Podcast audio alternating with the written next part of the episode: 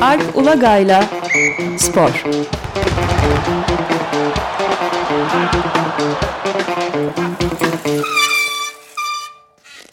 Günaydın Alp, merhabalar. Günaydın Ömer Bey. Günaydın. Günaydın Özdeş. Evet, bugünkü programımızda Dünya Kupası öncelikle herhalde değil mi? Türkiye'de elendi. E, öyle yapalım. Zaten çok fazla bir şey kalmadı Dünya Kupası'na. Bu yılın sonunda Kasım ve Aralık aylarında oynanacak bir değişiklik olarak Katar'da.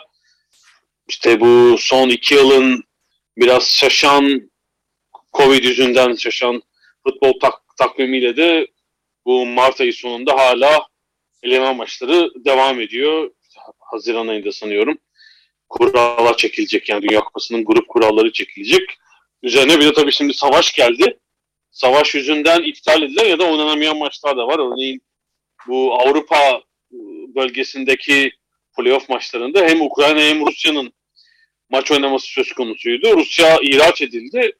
Ukrayna'nın İskoçya ile deplasmanda oynaması gereken playoff yarı final maçının ne zaman oynanacağı ise meçhul. Yani onu şimdiden bir şey kestirmek zor. Hiç oynanamayabilir yani İskoçya herhalde o ihtimali o ihtimali hazırlamak zorunda. Galler'le bir ara bir final maçı oynayacaklar. Öyle gözüküyor. Ee, şimdi tabii Türkiye'nin durumu iyi mi? Avrupa bölgesinde 3 playoff grubu vardı. Yani 12 takım 3 e, gruba ayrıldılar. İkişer yarı finalden sonra bu grupların final, final maçı Dünya Kupası'na gidecek. Takımları belli edecek.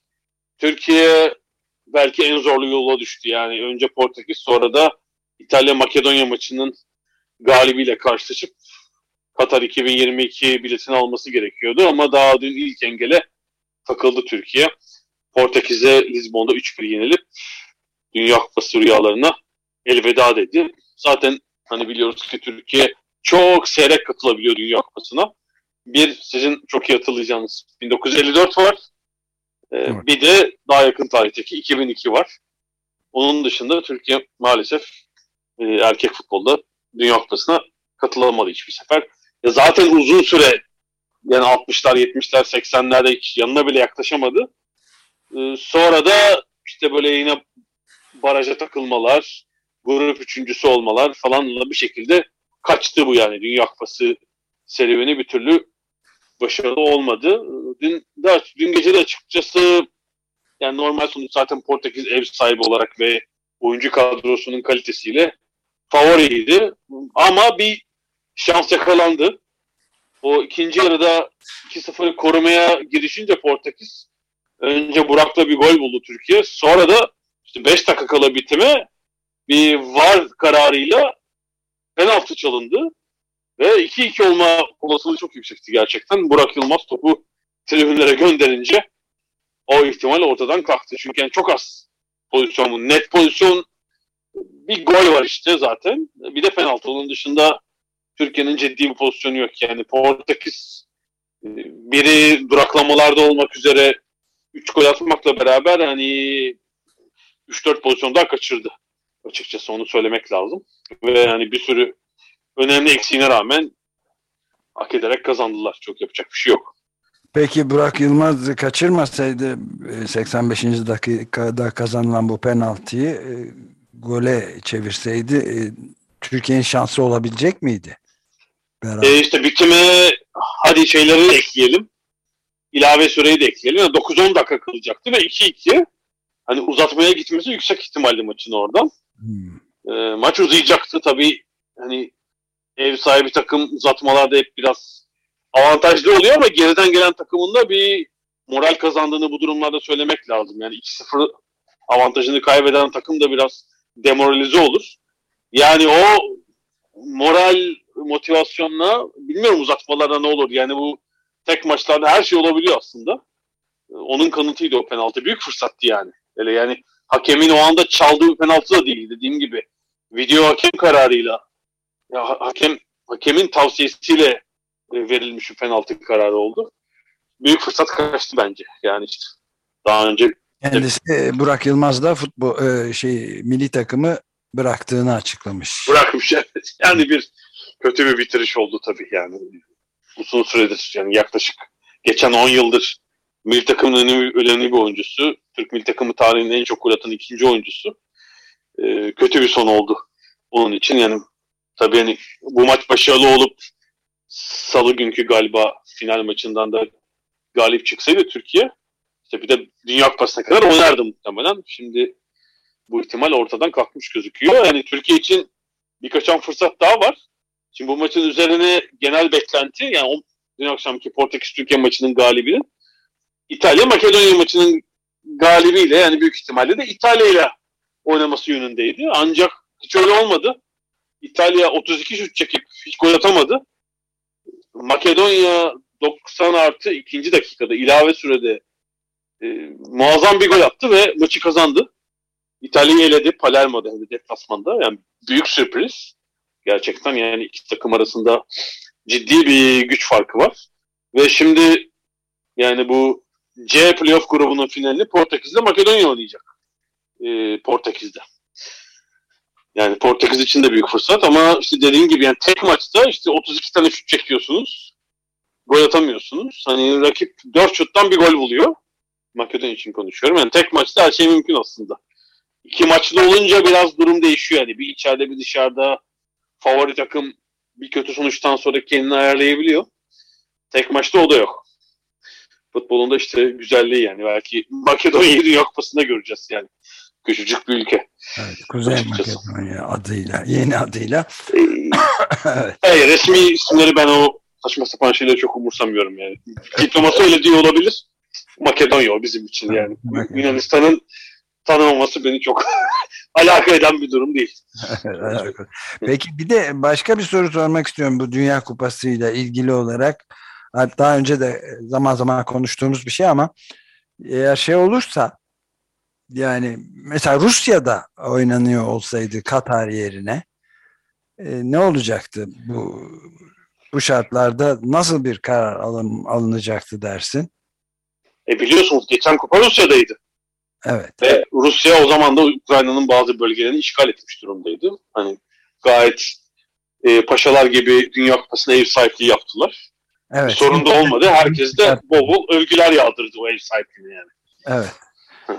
Ama şimdi belki bir yaptırım olarak e, başka bir yere almak zorunda kalacaklar ve çok büyük bir e, kaos yaşanacak. Zaten kaos var da kaosun katmerlisi olabilir mi? Yani i- insani olarak büyük bir kaos var. Sportif olarak da diyelim ki gerçekten bu Dünya Kupası Rusya'da oynanacak olsaydı bir kere Haziran Temmuz'da olacaktı. Yıl sonu değil yani sadece bilmiyorum bu playofflar bu döneme kalır mıydı? Kalırdı herhalde. Takvimde yer yok çünkü. Yani işte 3 aylık bir zaman kalacaktı. 3-4 aylık. Yani bu kadar kısa sürede Rusya bence ev sahibi ol- olmaya devam edemezdi böyle bir durumda. Yani bu kadar sportif boykotu görüyoruz ama yerine de bu kadar kısa sürede bir ülke koyup yani bunun lojistiğini ayarlamak bilmiyorum mümkün mü? Yani öyle 4-5 takımla oynanmıyor ki 32 ülke söz konusu. Yani 32 ülkeye işte kamp yeri, kamp tesisi, otel vesaire hepsini bulmak, onları ayarlamak lazım. Onun e, değişikliğini, işte stat tesis ayarlamalarını bu kadar kısa sürede yapmak bilemiyorum. Yani buna hazır tesis olarak, altyapı olarak buna hazır ülkeler var işte İngiltere, Almanya ama işte birçok tesisin de başka anlaşmaları var. Yani mesela Londra'da işte Wembley Stadyumunda konser var mesela. Şimdi örnek veriyorum. Ya da diğer statlarda başka etkinlikler var. Hani onları iptal etmek, onları tazmin etmek falan gerekirdi. Çok büyük bir keşmekeş olurdu gerçekten. Bir de başka Rus, Rusya'da oynanmazdı yani. Önemli. bir de başka bir boyutu var işin. Tabii bu savaşın çok etkili isimler tarafından da düşünürler ve hatta bilim insanları tarafından da savaşın temelinde fosil yakıtların yattığını ve dünyanın da bu bizzat Birleşmiş Milletler Genel Sekreteri Guterres'in söylediği gibi artık bir ölüm kalımın eşiğinde olduğu bir anda küresel ısıtma yüzünden e, Katar gibi bir fosil yakıt e, ihracatçısı olan dünyadaki en önemli şeylerden birinde olması da nasıl bir yorumlanacak bilmiyorum. Yani dünyanın sonundan bahsediliyor kimileri için. Aktivistler başta olmak üzere bugün de işte dünya çapında bir greve gidilecek. Öte yandan da hiçbir şey yokmuş gibi spor dünyası ve medyası işte nasıl olacak bu Katar'daki maçlar kim kalacak kim gelecek filan diye konuşmaya devam etmesi de oldukça ironik bir tuhaf durum yani. Tabii yani futbol olduğunda sportif kısım her zaman ön plana geçiyor tabii. Hele milli takımlar söz konusu olduğunda yani İtalya'nın elenmesi, Portekiz'in geçmesi ön planda ama bence Katar hakkında çok yazılıp çiziliyor. Özellikle işte insan hakları sorunu, orada statların inşaatında ölen binlerce işçi. Epey yazı okuduk. Yani şimdi Dünya Kupası yaklaştıkça buna dair tepkiler, araştırmalar, yazılar, röportajlar artacaktır. Ama yani şu sık sık konuştuğumuz mesele bu sporu yöneten büyük kurumlar e, bu işi daha sürdürülebilir hale gelmeye hiç yanaşmıyorlar. Yani bunların başında işte FIFA geliyor. Yani şimdi bu Katar'da tamam Katar bir fosil yakıt üreticisi 32 ülke katılıyor ve hani küçücük bir ülke zaten 8 statta yapacak. Tamam. E, bir sonraki kupayı düşünelim. 2026'da takım sayısı 48'e çıkacak. Yani %50 artış takım sayısında. Ve ev sahipleri ABD, Kanada, Meksika. Yani coğrafyayı düşünebiliyor musunuz? O takımların o yani koca bir kıtadan bahsediyoruz. Bir ülke değil yani. Bütün Kuzey Amerika yani Meksika'nın güneyindeki işte küçük Orta Amerika ülkelerini çıkaralım.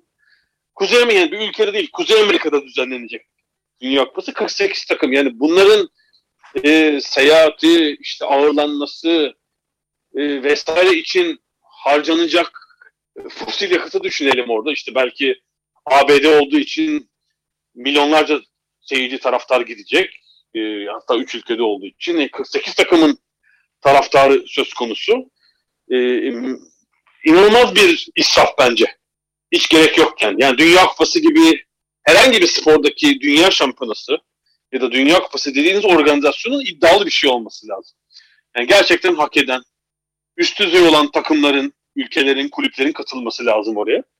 Öyle değil 48 işte zayıf olan kıtaları oylarını almak için yapılan bir futbol siyaseti hamlesiydi bu.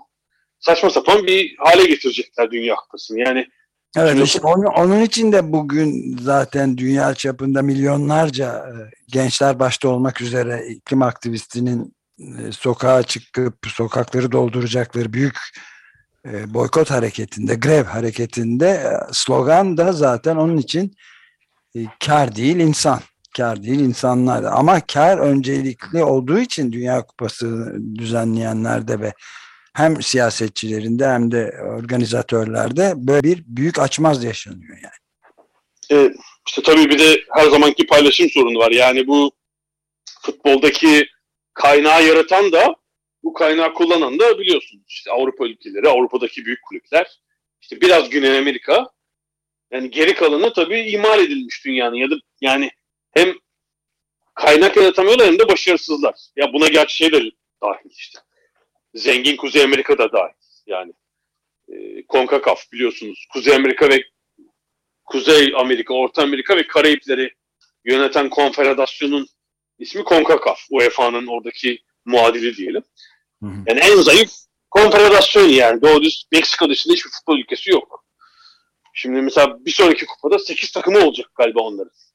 Takım evet. sayısı arttığı için yani diğer kıtalara paylaştırılıyor yeni gelecek 16 takımda.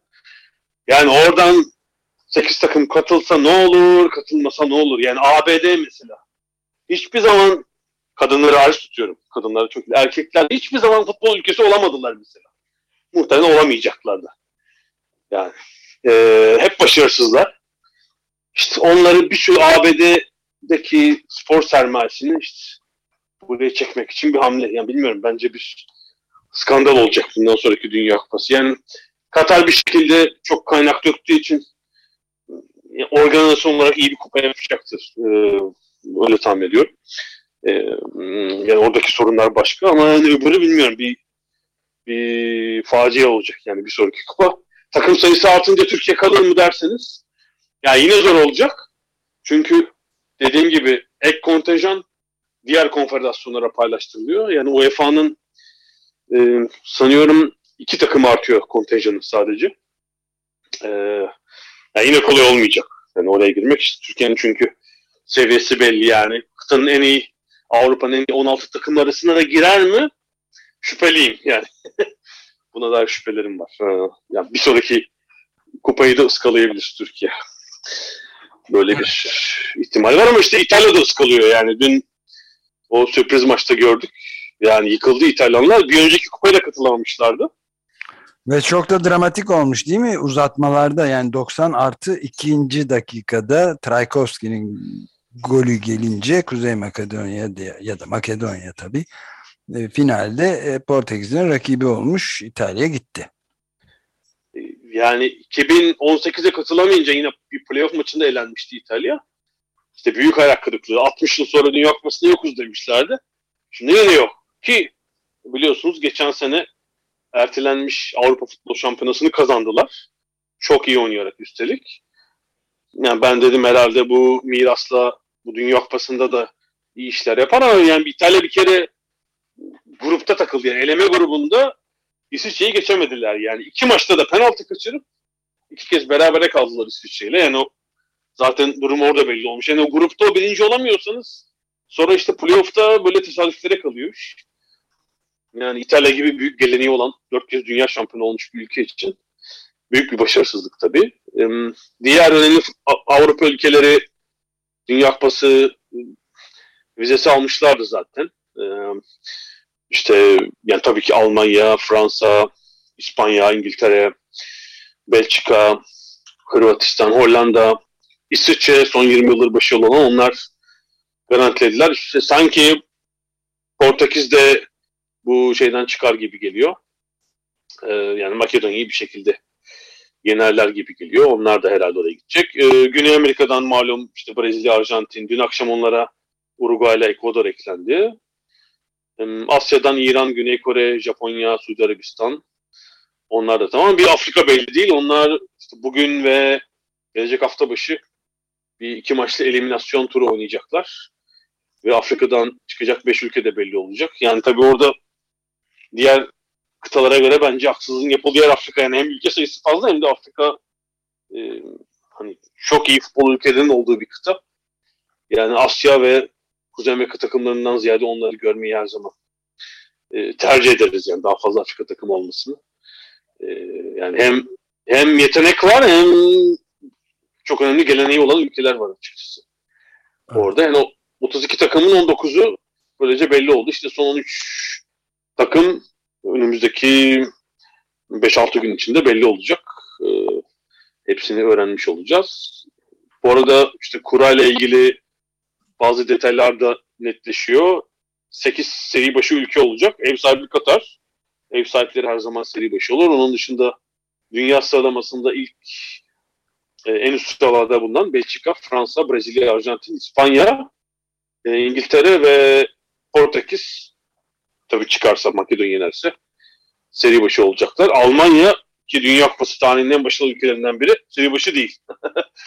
yani hiçbir, hiçbir ülke tabii Almanya'yı yani bu seri başı olanlardan hiçbiri Almanya'yı grubunda istemeyecektir.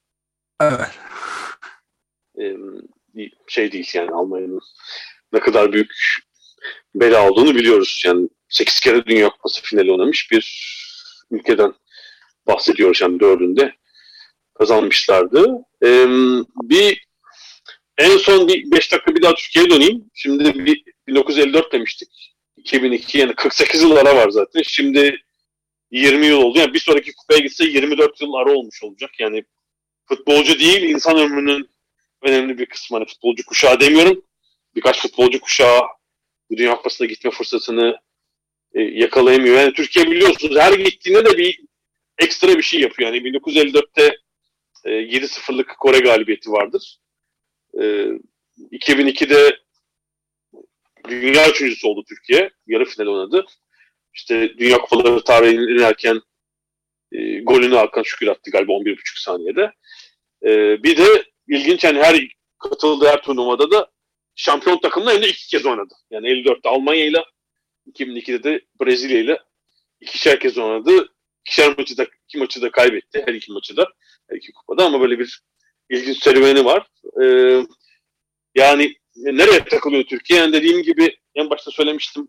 Aradaki birçok elemede zaten hep başarısız Türkiye. Yani işte dörtlü grupta üçüncü ya da sonuncu olduğu, hiç galibiyet alamadığı, hiç puan alamadığı eleme turnuvaları var. özellikle 80'lerde e, yani 8 maçın 8'inde kaybettiği sadece tek gol attığı dönemler var. Sonra tabii 94-98'den itibaren nispeten daha başarılı ama işte grup birincisi olamayınca bu playoff'lara takılınca e, durum zor oluyor. Yani tabii Türkiye'nin yapması gereken son 10 yılda oyuncu havuzunun daraldığını bu e, yabancı oyuncu sayısının artmasıyla Türk oyuncuların daha az şans aldığını görüyoruz. Evet bir takım Avrupa'ya giden, ülke dışına giden oyuncular var ama bunların sayısı yetersiz. E, ve belli yeni tip bir yeni tip bir oyuncu e, yetiştirmek gerekiyor herhalde. Yani e, Türkiye'nin bu geçen seneki Avrupa Şampiyonası'nda bir sorunu var. Oyunun her iki yönünü oynayan modern oyuncu bulmada sıkıntı çekiyor Türkiye. Yani ya böyle yetenekli yani top hakimiyeti olan bir takım yaratıcı oyuncular var ama bunların e, çalışkanlığı eksik, takım oyuna yatkın değiller. Ya da biraz fazla düz, hani pres yapan, e, oyunun savunma tarafına katkıda bulunan ama pas özellikleri, e, yaratıcı özellikleri eksik oyuncular var. Yani ikisini bir arada birleştirmek lazım. Bugün işte Portekiz gibi takımlarda ya da işte e, İspanya'da, Fransa'da hatta İngiltere'de şimdi e, oynayan oyuncu tipi artık böyle yani oyunun iki yönünde hakim olan orta sahalar hatta savunma oyuncuları yani artık bugünün savunma oyuncuları 70'ten çok farklı yani kıyaslanamaz bile. E, yani savunma yapmanın top kesmenin yanı sıra inanılmaz derecede e, pas becerileri, top kontrol becerileri var. Yani bence hani geçmişin futboluyla en büyük farklardan biri o bugün savunma oyuncularının bu daha komple oyuncu olma yönünde kendilerini geliştirmiş olmaları yani böyle yetiştirilmeleri e, bu yönde bir takım eksiklikler var. Yani bilmiyorum bir daha Türkiye ne zaman görürüz? İşte bu yeni kontenjan bir küçük fırsat yaratacaktır. Bundan sonraki kupalarda. E, ama hani diğer ülkelerin de aşama yaptığını işte Makedonya gibi küçük ülkelerin bile e, iddialı olduğunu düşünürsek neredeyse 30 ülkelik bir e, Dünya Kupası için iddialı olan ülke havuzu var Avrupa'da. Hiç kolay olmayacak yani Türkiye'nin bu görünümüyle de. Yani umutsuz olmayalım ama kolay olmayacaktır. Yani bir sonraki ve daha sonraki kupalarda. Evet, e, peki bu Dünya Kupalarını daha e, çeşitli boyutlarıyla konuşmaya devam edeceğiz herhalde. Bugün için e, başka eklemek istediğin bir şey var mı? Ee, sanıyorum yok. Bu haftalık bu kadar galiba. Yani kupanın işte bu insan hakları yönünün Katar'ın ev sahipliğini vesaire herhalde çokça konuşacağız bundan sonraki 8-9 ayda öyle gözüküyor. Evet inanılmaz sayıda işçinin hayatının kaybedildiği ve sömürüldüğü gibi çok sayıda e, haber geliyor. Haber analiz makale yayınlanıyor. Ama dünya bunlara e, gözünü kapatmış gibi gözüküyor şimdilik. Yani, yani tahminim şu, şimdi bu yaz büyük bir turnuva olmayacak alışılmışın dışında. Dünya Kupası yazın oynanmayacağı için. Evet. Ve kulüp sezonu bittikten sonra özellikle Batı medyasına büyük bir alan, spor medyasına büyük bir boşluk kalacak. Yani o Haziran'dan sonra o Katar'a üş, üşüşeceklerini söyleyebiliriz. Yani bunu zaten yapan medya kuruluşları vardı ama yani Haziran, Temmuz, Ağustos orada bir haber bombardımanı gelecektir. Yani şimdi gözler işte biraz daha bu kulüp turnuvalarında Şampiyonlar Ligi işte bu milli takım playoffları falan orada. Ama yani spor medyası boşlukta kalmaz. Evet. Ee, bir Katar'a şey yapılacaktır yani bir çıkartma yapılacaktır. Çıkarma yapılacaktır. Peki çok teşekkür ederiz. İyi günler diliyorum. Haftaya görüşmek üzere. Görüşmek üzere. Görüşmek üzere.